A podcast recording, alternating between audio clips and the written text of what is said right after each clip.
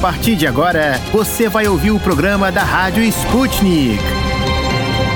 Olá, ouvintes. Meu nome é Melina Saad. Eu começo a semana aqui na Rádio Sputnik ao lado da querida Tayana de Oliveira. Seja bem-vinda, Tay. Muito obrigada, Melina. Vai ser um prazer estar na sua companhia e também dos nossos ouvintes. Então vamos lá trazer o que acontece de mais importante no Brasil e no mundo nesta segunda-feira, 14 de março. Com receio de desabastecimento, a ministra da Agricultura, Tereza Cristina, iniciou uma visita ao Canadá em busca de novos fornecedores de fertilizantes a ameaça de escassez acontece em função da crise na Ucrânia. Atualmente, a Rússia é o principal fornecedor do produto para o país. De acordo com a nota emitida pelo Ministério, o principal objetivo da visita é suprir possíveis gargalos de fornecimento que venham a acontecer em função do conflito entre Rússia e Ucrânia. Uma reportagem exibida pelo Fantástico da TV Globo neste domingo identificou grupos no aplicativo Telegram que realizam negociações de drogas, comércio de dinheiro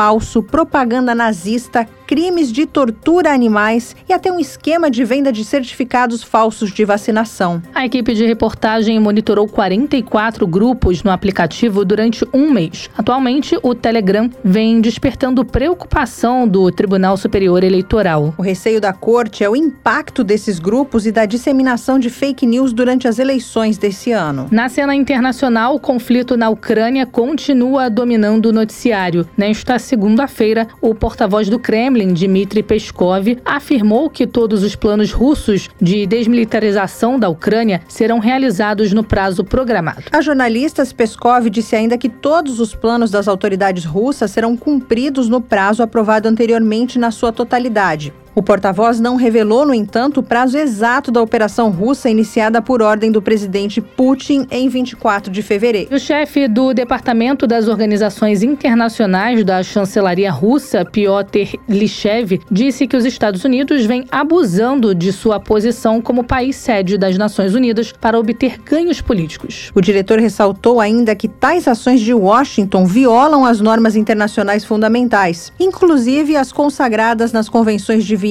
de 1961 e 1963. Anteriormente, 12 diplomatas da missão permanente da Rússia na ONU e seus familiares desembarcaram na Rússia após terem sido anunciados persona non grata pelos Estados Unidos e ordenados a sair do país até 7 de março. Ainda falando sobre a ONU, o primeiro-ministro japonês Fumio Kishida anunciou nesta segunda-feira que a situação na Ucrânia e as ações da Rússia apontam a necessidade de reformar o Conselho de Segurança Segurança das Nações Unidas e de criar uma nova ordem mundial, nas palavras dele. E o ministro das Finanças da Rússia, Anton Siluanov, se manifestou sobre a onda de sanções contra Moscou. Ele afirmou que os países ocidentais já congelaram quase a metade, ou aproximadamente 300 bilhões de dólares, cerca de 1 bilhão e meio de reais, das reservas de ouro da Rússia. Segundo Siluanov, o congelamento das contas do Banco Central da Rússia e do governo pode ser visto como o desejo do Ocidente Ocidente de organizar um default artificial na Rússia. Por sua vez, o Ministério das Relações Exteriores russo disse que Moscou não mudará o curso da operação especial militar na Ucrânia, nem mesmo sob pressão de sanções. Ainda sobre o conflito na Ucrânia, a China desmentiu o boato norte-americano de que a Rússia teria pedido ajuda para a operação no leste europeu. Algumas mídias ocidentais informaram, citando funcionários norte-americanos, que a Rússia pediu ajuda militar à China para a operação especial na Ucrânia. Além de desmentir o boato, o MRE chinês cobrou explicações dos Estados Unidos sobre atividades biomilitares na Ucrânia e em outros países. Ontem, o conselheiro de Segurança Nacional dos Estados Unidos, Jake Sullivan, chegou a dizer que Pequim enfrentará consequências se ajudar Moscou a evitar sanções. Sullivan acrescentou que o governo Biden se comunicou com o Partido Comunista Chinês sobre as consequências de um apoio, mas se recusou a entrar em detalhes adicionais.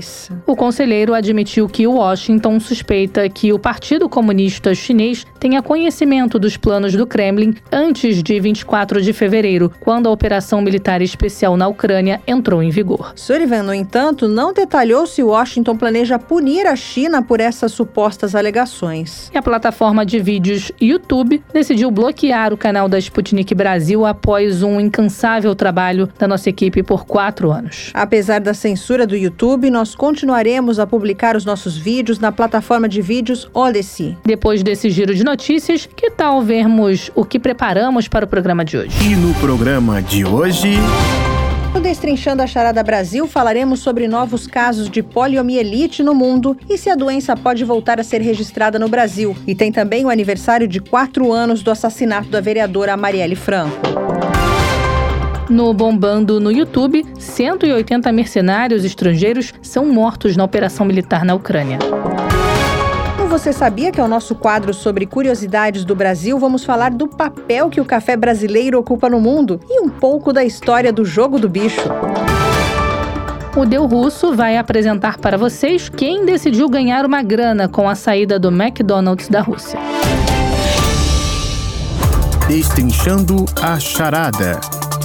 De dentro e fora do Brasil política, economia, sociedade e tudo que engloba o maior país da América Latina. As charadas mais complicadas do Brasil são destrinchadas aqui Olá, Tayana. Olá, ouvinte. Vamos juntos falar hoje de um assunto bem sério que abalou a política no Rio e no país. Hoje completam quatro anos do assassinato da vereadora Marielle Franco e do motorista dela, Anderson Gomes. Eles foram mortos em uma emboscada no bairro do Estácio, região central do Rio de Janeiro. Um carro emparelhou com o veículo em que Marielle e Anderson estavam por volta das nove e meia da noite do dia 14 de março de 2018. Os tiros foram disparados de uma curta distância e os dois não resistiram. Havia mais uma pessoa no banco de trás do carro, a assessora da vereadora. Fernanda Souza felizmente sobreviveu. Traumatizada, ela deixou o país por um ano, mas já retornou. Marielle tinha 38 anos de idade e Anderson 39. A vereadora era uma líder da esquerda carismática e importante. Ela foi a quinta mais votada em 2016. Um atentado, Tai, que fez muito mais do que tirar duas vidas, o que já seria muito grave, mas que também interrompeu interrompeu o trabalho de Marielle como parlamentar. Não dá para esquecer e nada vai apagar o que Marielle representava. Ela militava pelos direitos dos negros, de nós mulheres, pelo movimento LGBT, pela população invisibilizada e pelas pessoas que sofrem com a vulnerabilidade social. Você disse bem, Thay. Tentaram abalar a democracia. Os assassinos desrespeitaram o voto do eleitor que escolheu a Marielle. Não foi um crime comum. As investigações encontraram nestes quatro anos muitos empecilhos e não determinaram o mandante e a motivação. E as famílias das vítimas seguem até hoje pedindo por justiça. As investigações até agora apontaram que esse foi um crime planejado, muito bem arquitetado durante meses antes de acontecer de fato. Os passos da vereadora já estavam sendo seguidos. Um dos suspeitos de matar Marielle, Rony Lessa, que está preso no complexo penitenciário de segurança máxima de Campo Grande, no Mato Grosso do Sul, falou recentemente à revista Veja. Lessa não admitiu a repórter Marina Lang ter matado Marielle. Na época, muito se veiculou na imprensa o fato de ele morar no mesmo condomínio do presidente Jair Bolsonaro. Durante a entrevista, ele disse que chegou a receber ajuda do presidente Jair Bolsonaro no fim de 2009. Na época, Lessa perdeu parte da perna esquerda na explosão de uma bomba em seu carro. Ele conta que o presidente, então deputado federal, intercedeu para que seu atendimento fosse priorizado na Associação Brasileira Beneficente de reabilitação. Apesar do auxílio, Lessa afirma que mal o conhece. O Ministério Público do Rio de Janeiro denunciou Rony Lessa e Elcio de Queiroz como os assassinos de Marielle de Anderson. Os dois são ex-PMs e estão presos em penitenciárias federais fora do Rio. Eles vão a júri popular ainda sem data marcada. Lessa era conhecido, segundo a polícia, por ser um excelente atirador e que circulava no submundo dos pistoleiros. De acordo com as investigações, Elcio Queiroz era quem dirigia o carro onde Lessa estava. Queiroz era conhecido pela destreza ao dirigir viaturas. Os dois deixaram a Barra da Tijuca e ficaram de tocaia esperando o carro da vereadora Marielle passar. Melina, acho que o mais importante dessa história é dizer que a polícia, a família e o Ministério Público, quatro anos depois, ainda buscam uma série de respostas. Quem matou Marielle? Por que ela foi morta? Se o crime teve motivação política, onde está a arma do crime? Por que essa demora toda para resolver o caso? Quais são são os próximos passos da investigação e existe um prazo para a conclusão do caso? São algumas das perguntas que seguem sem resposta. E para falar um pouco sobre esse caso, nós ouvimos a irmã da Marielle, Aniele Franco, que falou sobre como ela vê o progresso das investigações. Eu acho que a gente está chegando aí na marca de quatro anos e o importante é seguir cobrando quem mandou matar a Mari e entender o significado que a morte dela traz para o Brasil e para o mundo e esperar que a gente não tenha que ficar mais quatro anos aí aguardando para saber quem foi que mandou matar a Marielle por quê, né? Mas toda e qualquer reunião que se tenha com qualquer órgão que está envolvido na investigação da Marielle é importante para que a gente vá ganhando forças e mostre que a gente está aqui e que vai permanecer aqui para esperar, aguardar e ter esperança de que esse nome vai sair. Essa foi a Aniele Franco que se dispôs a falar com a Rádio Sputnik a despeito desses quatro anos sem resposta. A gente sabe que não é fácil perder alguém que a gente ama, principalmente dessa maneira brutal. Obrigada, Aniele. Nós vamos conversar agora com a mulher do motorista Anderson Gomes, assassinado junto com a vereadora Marielle Franco. Olá, Agatha. Obrigada por aceitar o nosso convite para falar de um tema tão doloroso e delicado. Hoje faz quatro anos que o seu marido, que era o motorista da vereadora Marielle Franco, foi assassinado. E a polícia ainda não descobriu quem foi o mandante desse crime brutal. Como você convive com essa questão?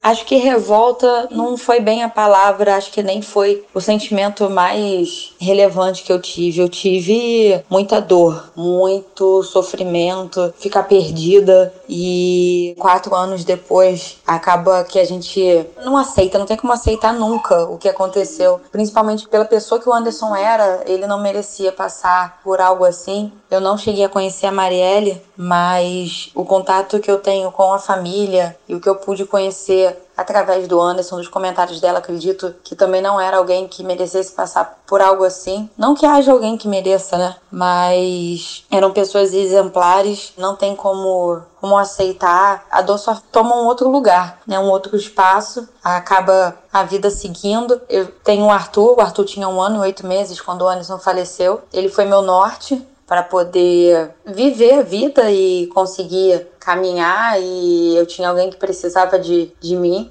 Então a vida só seguiu, a dor tomou um outro lugar, mas é, é impossível esquecer o que passou, esquecer as coisas que eu vivi, as coisas que eu vi e e a saudade do Anderson é eterna. Eu tento lembrar dele com todo o amor que sempre vai existir em mim, independente do que aconteça na minha vida. Ele tem um espaço eterno dele como pai do meu filho, como meu esposo querido para toda a vida. E nosso amor é para além dessa vida. Não ter a resposta de quem é o mandante, do porquê mandaram matar, é no mínimo torturante. Parece que qualquer coisa que a gente pense não alcança o que poderia ter sido, principalmente pelo Anderson não ser o alvo principal, né, ou nem ser o alvo, ele no final das contas foi um dano colateral, fica mais distante ainda para mim, sabe, entender o motivo e quem poderia ter feito e mandado isso. Então, é uma espera que parece que leva muito mais tempo do que na realidade está levando. Eu sei que, e sempre repetem isso pra gente, que o tempo da família não é o tempo da investigação, né? O tempo que a gente quer a resposta nem sempre é o tempo que leva a investigação. É torturante aguardar e a cada mês e a cada ano reviver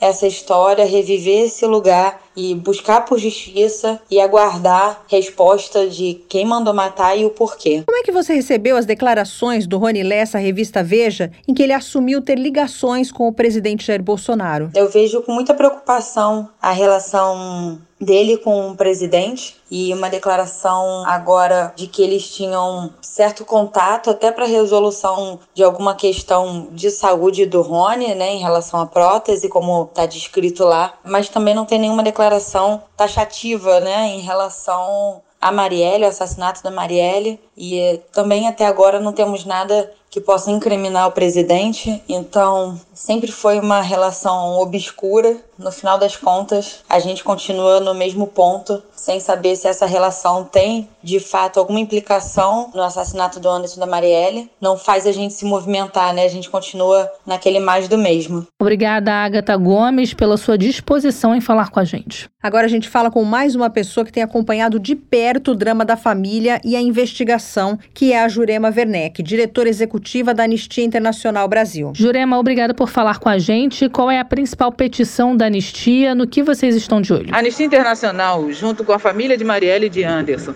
e junto com as organizações que compõem o Comitê Justiça por Marielle Anderson, nós estamos, desde o dia 8 de março, visitando autoridades, seja o juiz da Quarta Vara, seja o ministro do Supremo Tribunal de Justiça, do Superior Tribunal de Justiça, seja o Ministério Público, o governador do estado do Rio de Janeiro, o quinto delegado que está à frente do processo e também o chefe do Departamento de Homicídio da capital. Com todas as autoridades, nossa mensagem é sempre a mesma. Nós queremos que o legado de Marielle não seja de impunidade. Nós queremos que eles saibam que quatro anos é tempo demais. Nós queremos que a família de Marielle, a família de Anderson, através de seus advogados, tenham acesso aos autos, porque a Corte Interamericana já determinou que as vítimas e familiares têm direito à verdade. E ter direito à verdade significa também ter acesso aos autos para poder agir da forma necessária, inclusive pedir diligências se considerarem necessárias. A gente quer que as autoridades saibam que é direito da sociedade civil saber o que eles estão fazendo, se estão fazendo de forma correta.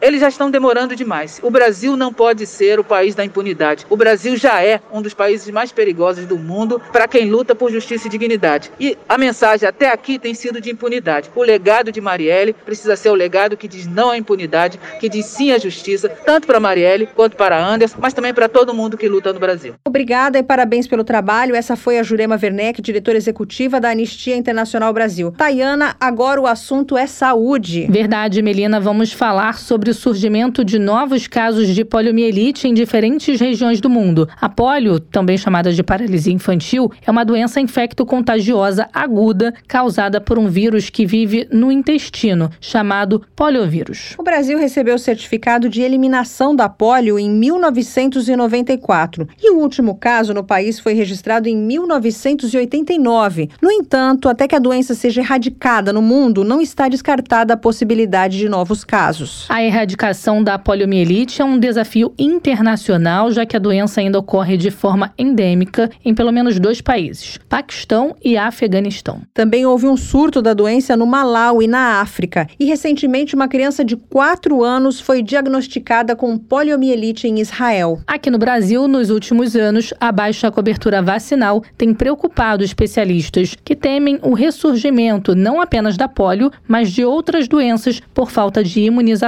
No mundo, os casos de poliovírus selvagem diminuíram em mais de 99% desde 1988, quando foram estimados 350 mil casos em mais de 125 países endêmicos. Em 2018, foram notificados 29 casos. Em 2017, foram 22. Das três cepas de poliovírus selvagem, tipos 1, 2 e 3, o poliovírus selvagem tipo 2 foi erradicado em 1999 e o de tipo 3 foi declarado erradicado em 2019. Atualmente, até existe uma data para se pensar e discutir o tema. Todo dia 24 de outubro é o Dia Mundial de Combate à Poliomielite. A data foi estabelecida pelo Rotary International para celebrar o nascimento de Jonas Salk, líder da primeira equipe que desenvolveu uma vacina contra a poliomielite. Segundo o Ministério da Saúde, a maioria das pessoas infectadas não apresenta sintomas, mas há manifestações graves da doença que podem causar paralisia e até levar à morte. Por isso, Melina, para prevenir é primordial a vacina, que deve ser ministrada em todas as crianças menores de 5 anos, algo que não vem acontecendo nos últimos anos,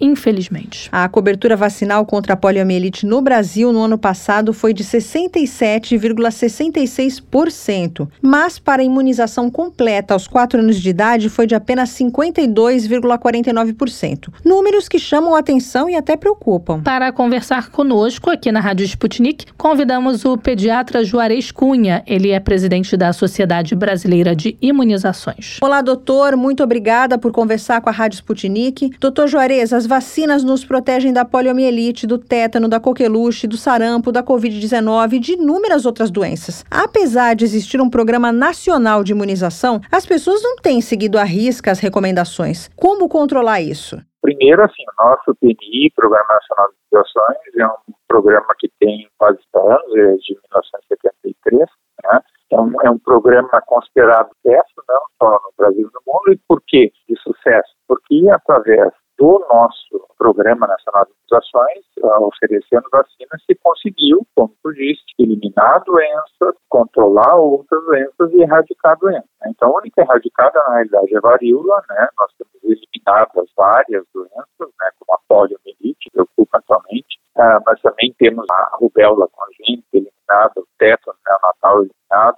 e todas as outras doenças que nós temos vacinas, elas são controladas. E com a vacinação, nós tivemos uma diminuição muito importante no número de casos nesses 50 anos de utilização de vacinas, uh, mais de forma oficial. É claro que não dá para comparar lá o início do programa, na década de 70, que a gente tinha vacina para tuberculose, que é a BCG, a polio oral, a tríplice bacteriana, coqueluche, tetanus, e sarampo. Então, eram poucas vacinas que a gente tinha lá com o passar do tempo foram sendo incorporadas, né? E atualmente a gente tem possibilidade de proteção por um número muito grande de doenças chamadas imunopreveníveis. Né? Isso não é só na criança, é também no adolescente, no adulto e no idoso, nós temos essas vacinas disponíveis.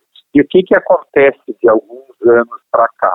Baixas coberturas vacinais. Então, isso é observado não só no Brasil, em todo o mundo, desde 2015 no Brasil a gente observa isso, quedas nas coberturas vacinais e é, já preocupava isso, né, naqueles anos anteriores, a pandemia era uma preocupação, tanto que a Organização Mundial de Saúde coloca em 2019 como uma das dez ameaças da saúde pública do mundo a hesitação vacinal, que era o grande motivo identificado para não serem colocadas em dia as vacinas. Cada hesitação é tu ter uma vacina recomendada, uma vacina disponível gratuitamente, mesmo assim ela não é aplicada ou aplicada com atraso. Dentro da hesitação, eram colocados com três grandes determinantes, que é a confiança, a conveniência e complacência. Então, esses três determinantes levavam a essa queda de poder. E o que está em jogo quando a população hesita em tomar a vacina contra a poliomielite? Então, os determinantes da hesitação vacinal pré-pandemia, quando a gente falava isso, né, são esses três Cs, que é confiança, complacência e conveniência. Naquela época, a complacência era um dos mais comentados. O que, que significa?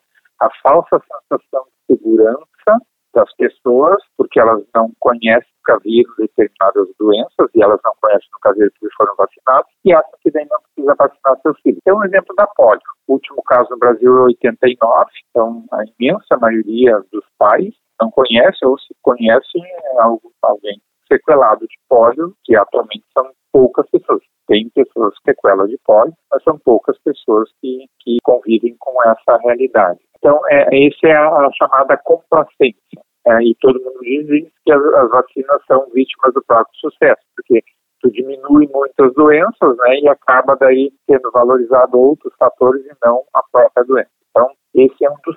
O outro é a confiança. A confiança não é só no produto, né, na segurança, sobre o especial dos eventos adversos, mas na sua eficácia. Mas a confiança ela passa também por governantes, por instituições, por profissionais de saúde, principalmente com a pandemia e com o aumento da desinformação e fake news, a confiança que já estava abalada, ela está sendo mais abalada ainda pelos discursos anti-vacina.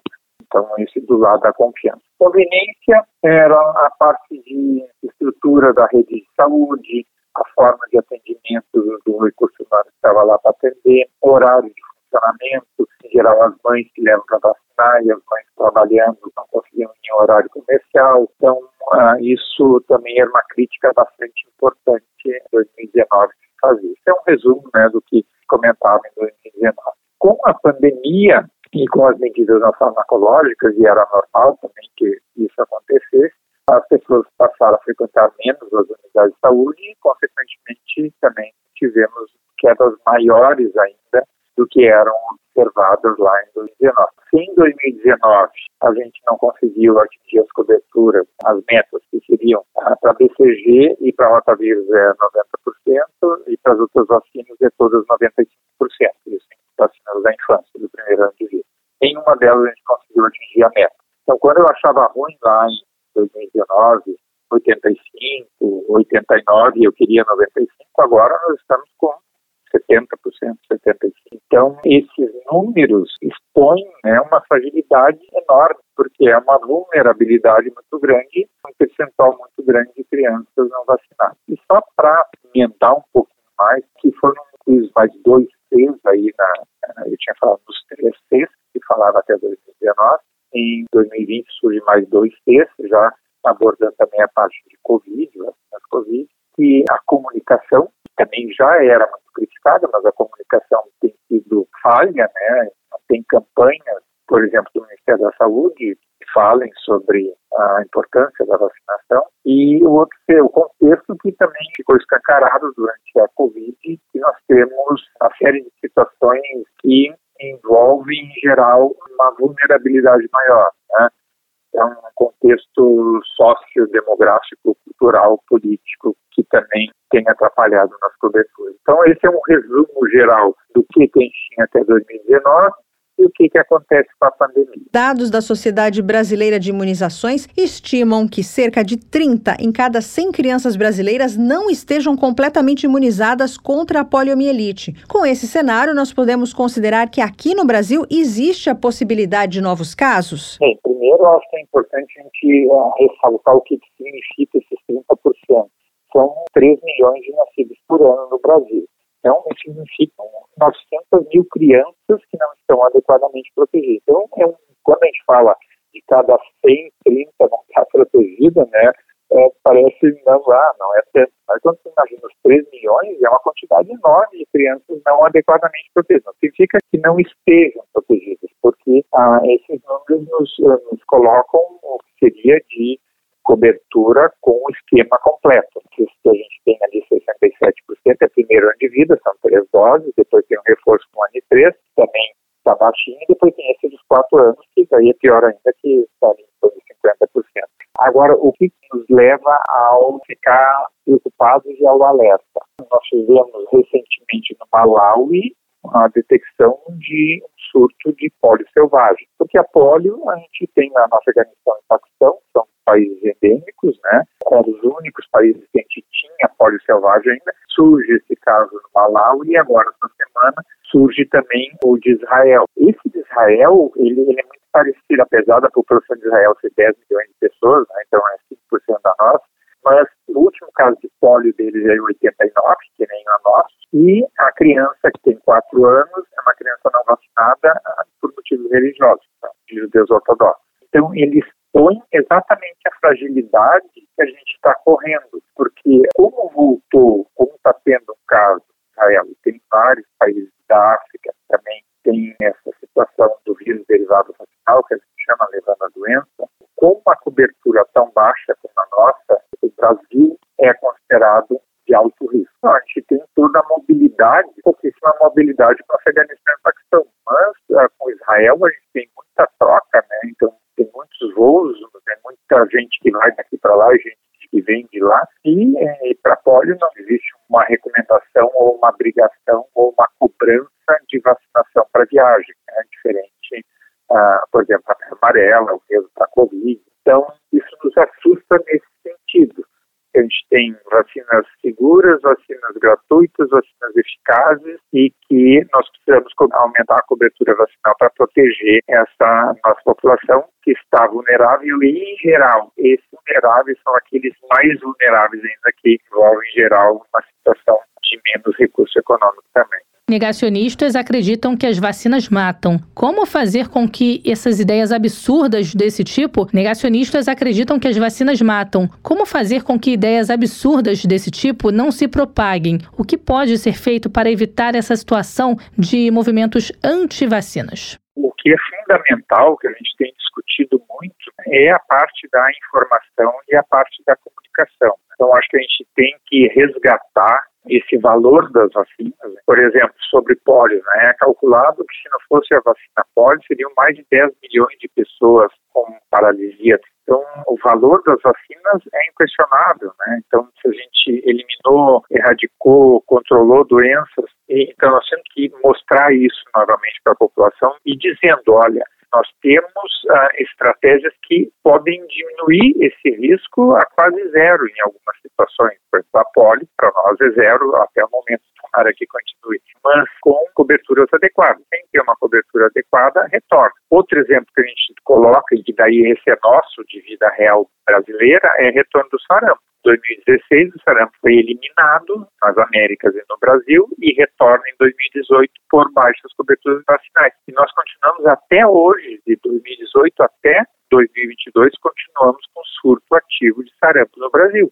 Tudo por um vírus que é altamente transmissível, também é transmissível de via, da forma respiratória, do sarampo, com uma vacina disponível, gratuita, recomendada não só para crianças, mas para todas as outras faixas etárias e disponível na nossa rede. Então, a gente, eu acho que tem que uh, chamar a atenção desse valor, chamar a atenção do risco que a gente corre, né?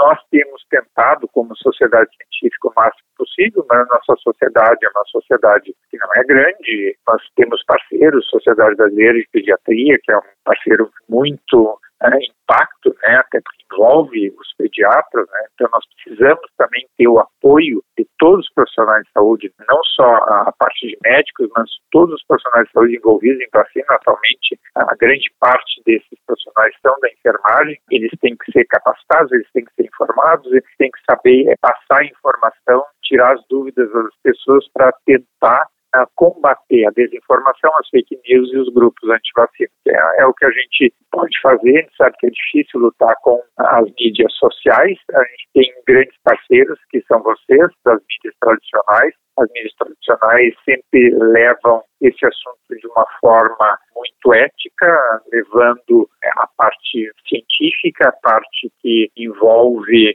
aquilo tudo que os pesquisadores mostram e tentando né, tirar toda essa parte do que, que é dito como mito, como informações falsas. Bom, a gente torce para que o número de vacinados aumente cada vez mais e que as campanhas sejam bem sucedidas, não é, Thay? Verdade, Melina. Nosso programa de imunização tem quase 50 anos e é citado como referência mundial. As vacinas estão disponíveis, basta ir até um posto de saúde e realizar a imunização de maneira gratuita. Esse foi o Juarez Cunha, presidente da Sociedade Brasileira de Imunizações. Obrigada, Juarez. E assim nós terminamos o Destrinchando a Charada Brasil de hoje. Até mais.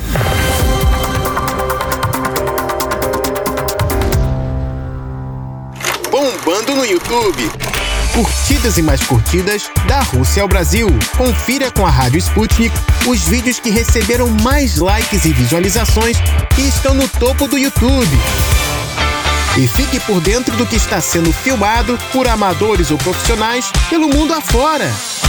Agora, um dos momentos mais esperados. A gente fica sabendo quais são os vídeos mais curtidos e os mais vistos nesta segunda-feira. Eu convido meu amigo Tito da Silva para falar com a gente lá da Sputnik em Moscou. O que, que você manda, Tito? Olá, queridos amigos da Rádio Sputnik. Após o YouTube ter bloqueado o nosso canal, a Sputnik Brasil está publicando os seus vídeos na plataforma Odyssey. Agora, você pode ver os vídeos da Sputnik com total comodidade também na Odyssey. E sabe como nos achar lá? É só digitar no seu navegador Sputnik Brasil Odyssey. Não sabe escrever Odyssey? É O D Y S E e, e no topo da lista dos vídeos de hoje, o Ministério da Defesa da Rússia publicou imagens de suas forças destruindo diversos alvos militares da Ucrânia no contexto de sua operação especial no país vizinho. Um posto de comando militar ucraniano foi bombardeado na região de Kiev com uma munição de alta precisão. No vídeo, você também vê como um drone russo realizou um ataque certeiro contra lançadores múltiplos de foguetes ucranianos que estavam em plena ação no país.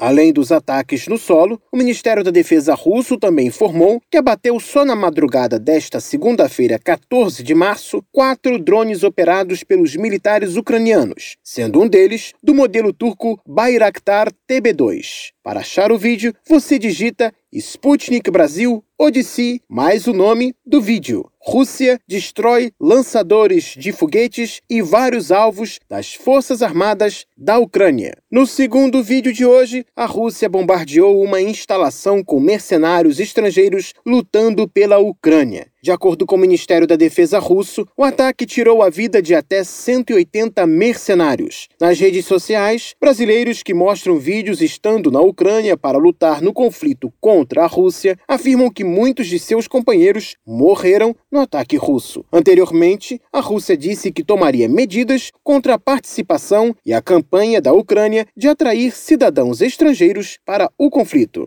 O vídeo você acha na Odyssey digitando Rússia elimina até 180 mercenários estrangeiros na Ucrânia e brasileiros alegam ter estado no local. No terceiro vídeo de hoje, um caça Su-25 russo foi alvejado por um míssil antiaéreo enquanto cumpria sua missão no céu da Ucrânia. Mesmo com seus equipamentos não obedecendo mais aos comandos do piloto, este conseguiu pousar a aeronave em um aeródromo de forma bem segura. O retorno do avião para sua base, após atingir seu alvo, foi de grande perigo e um show de profissionalismo dos aviadores militares. Para assistir ao vídeo, vai lá na Odyssey e digite: Avião de ataque ao solo Su-25 da Rússia consegue pousar após ser alvejado por míssil antiaéreo. E no quarto vídeo de hoje, enquanto o Brasil busca uma posição de neutralidade em relação ao conflito na Ucrânia, o pesquisador Robson Valdez, da Universidade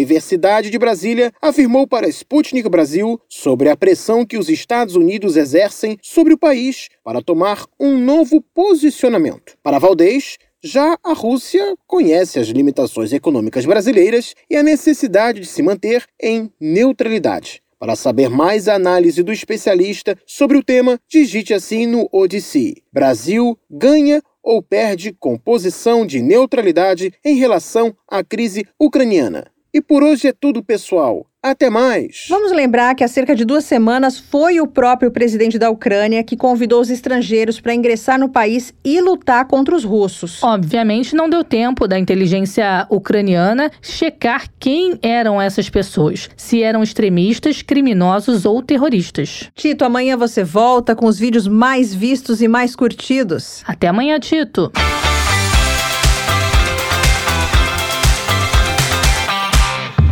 Você sabia? Não? Agora vai saber! Num país gigante como o Brasil, sempre há mistérios ou peculiaridades históricas que merecem ser desvendados. Vem com a gente descobrir! Olá, queridos ouvintes, vocês já tomaram um cafezinho hoje? Acho que nós podemos dizer que o café é quase uma paixão nacional, né, Thay? Com certeza, Mel. Eu não vivo sem o meu. Além do nosso dia a dia, o café tem uma grande importância na nossa economia. Vocês sabiam que o Brasil é o maior produtor e exportador de café do mundo? Pois é, várias pessoas pelo mundo estão tomando essa hora um cafezinho brasileiro. E para conhecer um pouco mais sobre a história do café, vamos conversar com o historiador e barista Bruno Garcia. Bruno, obrigada pela participação. Conta pra gente por que o café é uma paixão na sua vida. Olha, eu gosto muito, mas não sei se paixão é a melhor definição. Eu acho que está mais para um ritual, quase uma meditação. Um negócio que eu incorporei faz um tempo e que é quase terapêutico. Quer dizer, hoje em dia, para mim, fazer café significa dar atenção a todos os detalhes. Onde comprar o grão, quando e por quem foi torrado. Sei lá, que tipo de água usar, que temperatura. Sempre moendo na hora, mas também a receita e como você moe depende também de quem vai tomar, de quem são seus convidados, do gosto das pessoas. Isso é tudo um mundo à parte, né? Muitas vezes, quando eu viajo para uma cidade, eu organizo tudo que eu vou fazer através dos cafés que eu preciso passar e conhecer. E também é comum, às vezes, fazer um desvio no trajeto só para poder conhecer um café diferente. É isso. Esse café de especialidade é uma espécie de submundo relativamente pequeno, onde esses pontos de referência, os cafés mais destacados, as pessoas mais conhecidas, são dentro desse mundo famosos. Como foi fazer um curso de barista fora do país, que é justamente referência na produção e exportação de café? Eu acho que os cursos dados na Europa, nos Estados Unidos, ou sei lá, na Austrália, que também é super famosa pelo café, são provavelmente os mesmos. Quer dizer, são cursos padronizados. Eu fiz o meu numa cidade pequena, na Áustria, em 2015, mas sei lá, porque foi recomendado pelo barista do café que eu frequentava na época, que eu fazia doutorado lá. Sei lá, naquela época eu não conseguia ou não queria ficar escrevendo em biblioteca silenciosa. Então eu ia sempre o mesmo café e que acabou por ser um desses cafés pioneiros no café especialidade, também chamado de café de terceira onda na Áustria. E isso é uma coisa relativamente recente, é uma coisa do começo dos anos 2000 para cá e que explodiu de fato entre 2013 e 2015. E aí junto com isso todos esses cursos de formação associados, né? Quer dizer, eu, meu curso eu fiz por lá porque era onde eu estava quando eu tive mais contato com isso, mas acho que não existe uma grande diferença de onde se faz esses cursos hoje em dia, eles são praticamente os mesmos. Bruno, conta agora para os nossos ouvintes amantes de um bom café o que você aprendeu nesse curso de barista. Esse é um curso básico de fundação que a Associação Europeia de Café Especial dá e delega a diferentes escolas pelo continente para fazer. Mas é um curso bem elementar mesmo, ele é de um dia só, tem todo, sei lá, um conteúdo sobre a história do café, do que é o café especial especial, sobre como fazer e ajustar moedor, o uso de uma máquina de expresso, e aí você aprende a fazer essas bebidas com leite, como cappuccino, flat white, etc, etc. Mas ninguém sai dali pronto para trabalhar no café por si só. É muito mais um primeiro passo para quem quer levar a sério isso. Especialmente uma formação elementar para aqueles que tratam o café como um hobby. Do grupo que fez comigo, deviam ter, sei lá, umas oito, nove pessoas, só uma tinha experiência, eu estava lá porque trabalhava num café e queria, enfim, é, aprimorar. O resto eram de entusiastas pela coisa como eu. Por que motivos o café brasileiro é referência mundial? Eu acho que o Brasil, na verdade, é reconhecido como um grande produtor de café, mas tem uma reputação muito mais associada a essa capacidade produtiva do que propriamente por sua qualidade. No mercado internacional de café, no café tratado como commodity, o Brasil tem sim um papel decisivo como maior produtor. E, se não me engano, a safra brasileira é cerca de cinco vezes maior do que a do segundo colocado mercado, que é o Vietnã. Pouca gente sabe disso. De fato, ele é um ator fundamental de peso na safra internacional, no preço, etc, etc. Mas no que diz respeito a café de especialidade, o país ainda engatinha, ele é pequeno ainda. Acho que nos principais estabelecimentos do mundo é até comum você encontrar o grão brasileiro para expresso. Isso porque o expresso é uma bebida que exige muito mais intensidade, que aceita um gosto achocolatado. Mas quando a gente fala de café filtrado, a história é um pouco diferente. O café brasileiro não costuma ter a variedade, a acidez, a amplitude de cafés africanos, por exemplo, como Quênia, Etiópia, ou mesmo dos cafés caríssimos da América Central, como Panamá e Costa Rica. Tem até muita gente hoje trabalhando para dar mais complexidade ao grão brasileiro, e volta e meia a gente tem um ou outro que saem vendidos por um preço absurdo, que são de fato muito bons e que são premiados, mas perto do potencial que o país tem para trabalhar com isso ainda é muito, muito pequeno e mesmo os brasileiros desconhecem esse mercado. Além de barista, você também é historiador. Poderia nos contar um pouquinho sobre a importância do café na história do Brasil? Acho que todo mundo conhece a história do café no Brasil quer dizer, no século XIX, do começo do século XX, a história da expansão das lavouras pelo Vale do Paraíba, o uso de mão de obra escrava, etc, etc. Mas pouca gente sabe que hoje em dia você tem inúmeras denúncias de trabalho análogo à escravidão na produção do café em larga escala no país e que uma das formas mais interessantes de reverter essa estrutura é apostando justamente no café de especialidade. Quer dizer, hoje você tem muitos produtores que estão tentando migrar dessa produção industrial e apostando em mudanças progressivas nos seus métodos para que o café deles ganhe maior valor agregado e que eles ganhem uma certa independência, controlando mais a produção e a venda dos seus grãos para se livrar um pouco dessa relação com as grandes multinacionais que sempre concentraram mais os lucros nessa cadeia e sempre controlaram da distribuição das sementes ao café para o produtor final. Quer dizer, isso faz hoje em dia com que os produtores e seus trabalhadores não só tenham mais independência, como acabem por reverter um sistema de exploração e de concentração de renda nessa escala de produção. O consumidor final pode até se queixar que o café especializado é mais caro do que o industrial vendido no seu mercado. A gente precisa pensar aqui como é que você compete em preço contra empresas que são frequentemente acusadas de explorar mão de obra análoga à escravidão. E eu acho que a pergunta mais desconfortável não é por que o café especializado é mais caro, mas por que o industrial é tão mais barato. Não dá para negar a importância do café na história do Brasil, né, Melina? Com Com certeza, Thay. Bruno, obrigada pela sua participação e até a próxima. Obrigada, Bruno. Depois desse bate-papo, deu até uma vontade de tomar um cafezinho. Ah, deu mesmo, Thay. Agora vamos para o segundo tema do nosso Você Sabia de hoje. Vocês já ouviram falar no jogo do bicho? Apesar de não ser legalizado, a atividade existe em diversos estados brasileiros. Tem uma origem curiosa, não é, Melina? Verdade, Thay. O jogo surgiu literalmente no zoológico. E para conhecermos um pouquinho melhor essa história, nós convidamos o Jorge Chalub, professor de Ciência Política na Universidade Federal do Rio de Janeiro. Jorge, muito obrigada por conversar com a gente. Para começar, conta para os nossos ouvintes qual é a história do Jogo do Bicho. É bem conhecido que o Jogo do Bicho foi criado pelo Barão de Drummond, que era o fundador do Jardim Zoológico Brasileiro, que ele foi criado nos primeiros anos da República e que ele era em boa medida uma forma de financiamento do Jardim Zoológico, que acabou se autonomizando, digamos assim, ganhando um gosto popular, virando um tipo de jogo de azar com grande popularidade e uma grande penetração no território, diria talvez mais certamente carioca do que brasileiro, né? Enfim, passou a ser uma marca nacional com uma penetração, creio eu, sobretudo forte no Rio de Janeiro, assim. E essa fama que o jogo fez e faz indica que no Brasil nós temos uma quedinha pela ilegalidade ou uma dificuldade de entender o que é ilegal. Eu acho que é interessante só a gente pensar isso, demanda pensar um pouco sobre é, a natureza da lei no Brasil, né?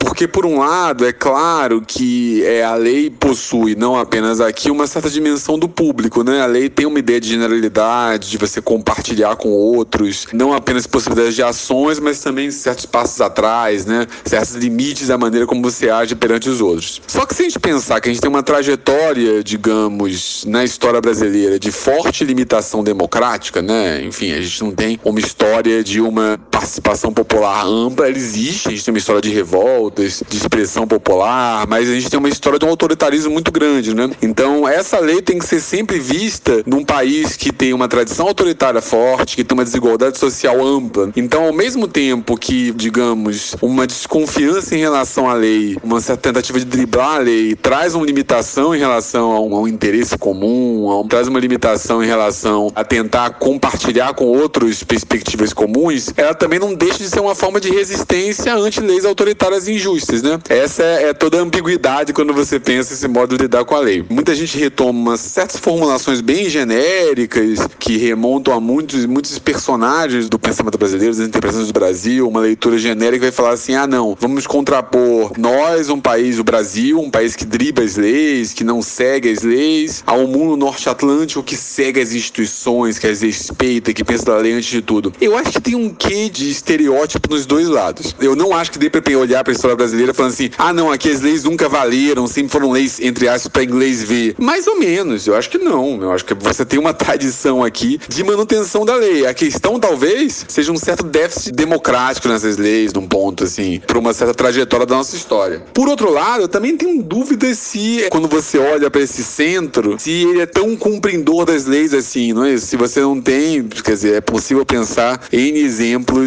nos quais é, você tem países centrais, países norte-atlânticos com desrespeitos amplos à lei, com tentativa de driblar a legalidade, por aí vai. Professor, podemos dizer que características brasileiras permitiram a criação do jogo do bicho, ou seja, é puro suco de Brasil? Aí eu vou ter sempre o ponto de que, assim, por um lado, eu tenho muita resistência a uma ideia de teoria da jabuticaba, sabe? Ah, isso só tem aqui, só o Brasil lida com uma fronteira e uma ambiguidade entre legalidade ilegalidade. A ideia de, digamos, práticas ilegais que não estão na lei, mas que são amplamente popularizadas, é uma ideia que está presente em diversos tipos de sociedade. É só você ver, inclusive, punições excessivas tendem a promover, digamos, culturas ilegais, entre aspas, muito amplas. Né? Só você pensar na questão da lei seca nos Estados Unidos, como se relacionou com a máfia. E a ideia de jogos de azar não é uma ideia de particular no Brasil, né? é uma ideia global. Inclusive, tem lugares que legalizam jogos de azar. Né? Então, é compreender entender a relação do bicho com a contravenção e com a ilegalidade levanta a questão de pensar por que decidimos proibir os jogos de azar, né? Não estou nem me posicionando a favor ou contra, mas é uma questão. Outros lugares acham que os jogos de azar têm que ser permitidos. Ou, digamos mais, porque a gente permite alguns jogos de azar, no caso as loterias federais, e proíbe outros, né? Eles já foram permitidos aqui, já teve cassinos no Brasil, depois eles foram proibidos. Isso é um debate sobre os limites da proibição e da manifestação da lei em relação ao Estado, que é um debate interessante, né? Falando um pouquinho sobre o responsável pela criação do jogo do bicho, o Barão de Drummond, quem foi? Uma figura da elite imperial, próxima de Dom Pedro II, é, e com isso recebeu terras, por exemplo, ele recebeu terras em Vila Isabel, ele ocupou postos no Império, no Estado Imperial, no Segundo Reinado, enfim, ele foi uma figura da elite imperial com essa proximidade com o imperador. Muito interessante essa história, ouvintes. Com certeza, Tayana, mas vale lembrar que a atividade ainda é considerada ilegal. Exatamente, Mel. Existe até um projeto em discussão no Congresso Nacional com o objetivo de legalizar jogos de azar, entre eles o jogo do bicho, mas ainda está em tramitação. E levantando bastante polêmica, principalmente junto à chamada bancada evangélica. Vamos acompanhar também o desenrolar desse projeto. Ah, pode apostar, Thay. O Você Sabia de hoje fica por aqui. Até a próxima.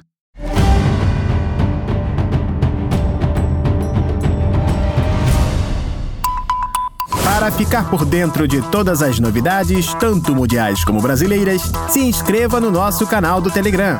É muito simples. É só você escrever Sputnik Brasil na busca do Telegram e se inscrever para receber as notificações.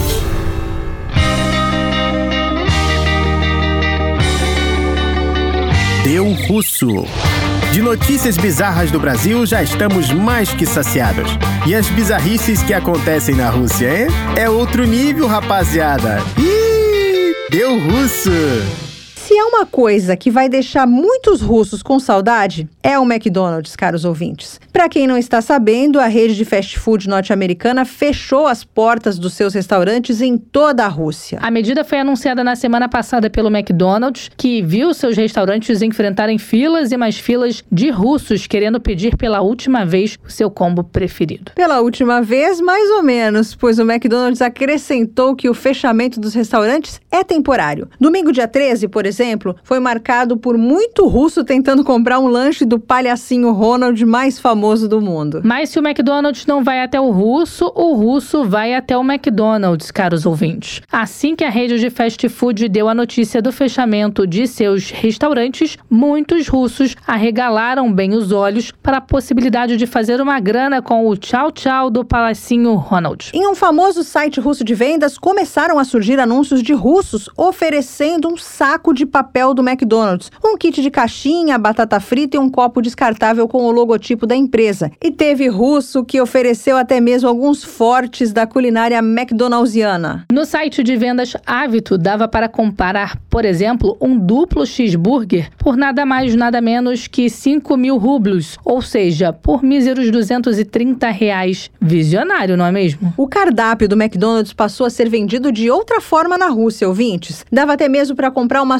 sobremesa de framboesa por meros 1.500 rublos. Esses vendedores visionários sabem muito bem que, na falta de um restaurante de fast food na esquina, alguém acabaria comprando os produtos e comidas oferecidos por eles. Imagina só comprar um copo descartável do McDonald's. Imagina só comprar um copo descartável do McDonald's. Pra quê, não é mesmo? Pra usar uma vez e depois jogar fora? E outra, o copo é de segunda mão ou não? Será que quem estava oferecendo esse copo já tinha tomado uma Coca-Cola nele?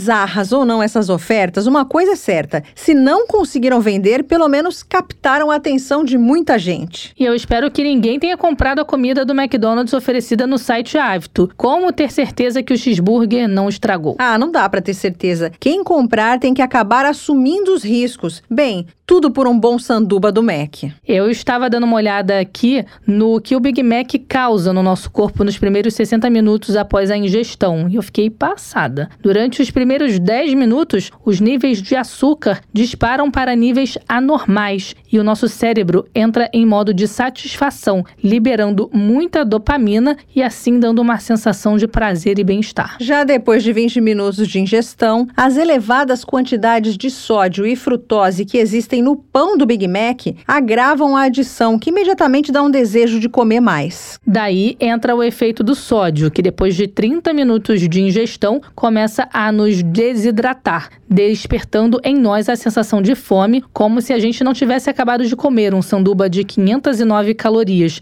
Para se ter uma noção, ouvintes, em um Big Mac há 970 miligramas de sódio. E vocês lembram que o nosso organismo é bombardeado por açúcar. Bem, depois de 40 minutos da ingestão de um Big Mac, como o nosso organismo liberou uma quantidade grande de insulina para lidar com quantidade de carboidrato e glicose, acabamos tendo leves hipoglicemias, que, consequentemente, dão a sensação de fome. Já depois de uma hora de comer um belo Big Mac, o nosso corpo começa um lento e árduo trabalho para tentar digerir o sanduba. Normalmente, o organismo demora 24 a 72 horas para digerir a comida, mas no caso de um hambúrguer, pode demorar mais de 3 dias por causa do excesso de gordura. Por exemplo, a gordura trans demora 51 dias a ser totalmente digerida. Um Big Mac tem 1 grama e meio de gordura trans. Ou seja, pessoal, se vocês acabaram se deparando com anúncios de russos vendendo preciosidades no McDonald's, é melhor passar bem longe.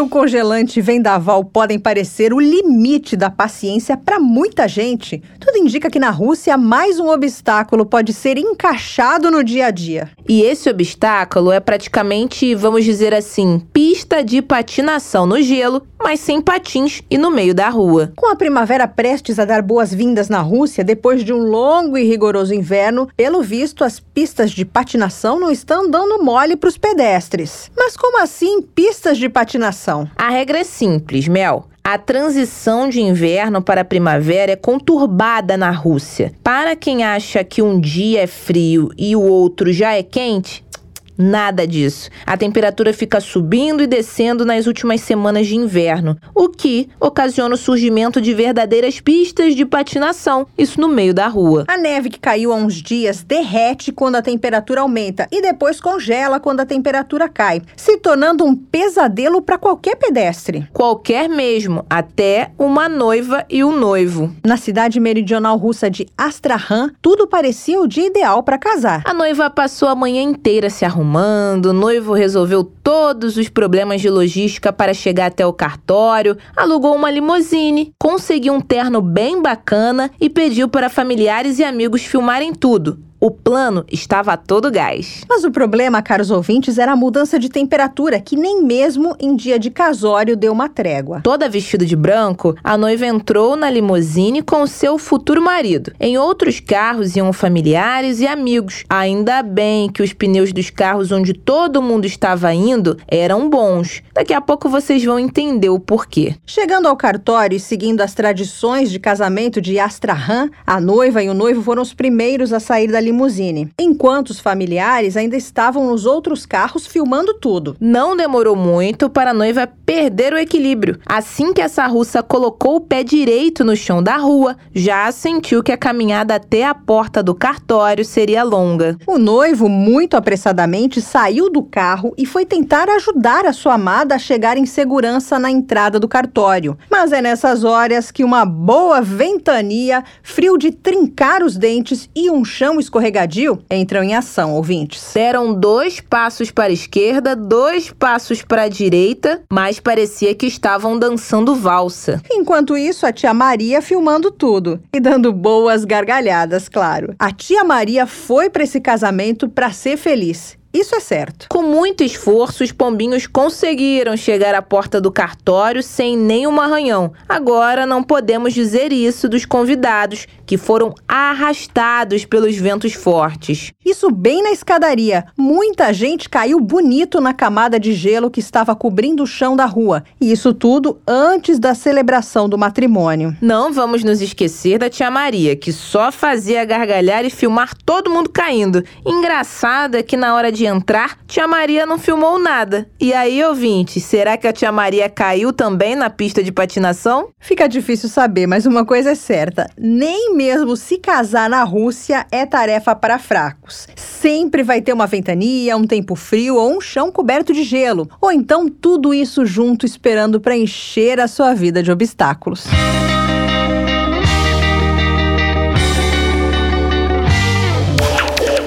Tem alguma dúvida ou comentário sobre a Rádio Sputnik?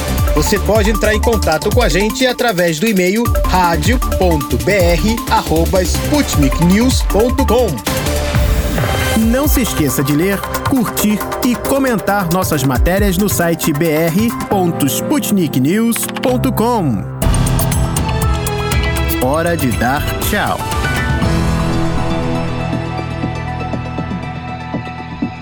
Acabou o programa, mas a semana está só começando, tá? E essa foi a edição de segunda-feira, dia 14 de março. É isso mesmo, Mel, mas eu sei que os nossos ouvintes vão continuar ligados em toda a nossa programação. Para isso, basta dar uma passadinha no site da Sputnik Brasil, br.sputniknews.com, para conferir as notícias do momento. Lembrando que temos também nosso canal da Sputnik Brasil no Odyssey. Não dá para perder, né? Lá os nossos ouvintes encontram os vídeos dos assuntos mais importantes do momento, tanto no Brasil como no resto do mundo. Fiquem ligados também nas informações sempre atualizadas no Twitter e Telegram da Sputnik Brasil. Até terça, pessoal! O programa da Rádio Sputnik teve apresentação, produção e edição de texto de Melina Saad e Tayana de Oliveira. Produção de conteúdos e edição de texto de Tito da Silva e Pablo Rodrigues, Francine Augusto e Bárbara Pereira. A edição e a montagem do programa são de Wellington Vieira e David Costa. A produção geral no Rio de Janeiro é do Everton Maia e da Angélica Fontela. E o editor-chefe da redação da Sputnik Brasil no Rio de Janeiro é o Renan Lúcio e em Moscou, Konstantin Kuznetsov. Você acabou de ouvir mais um programa da Rádio Sputnik.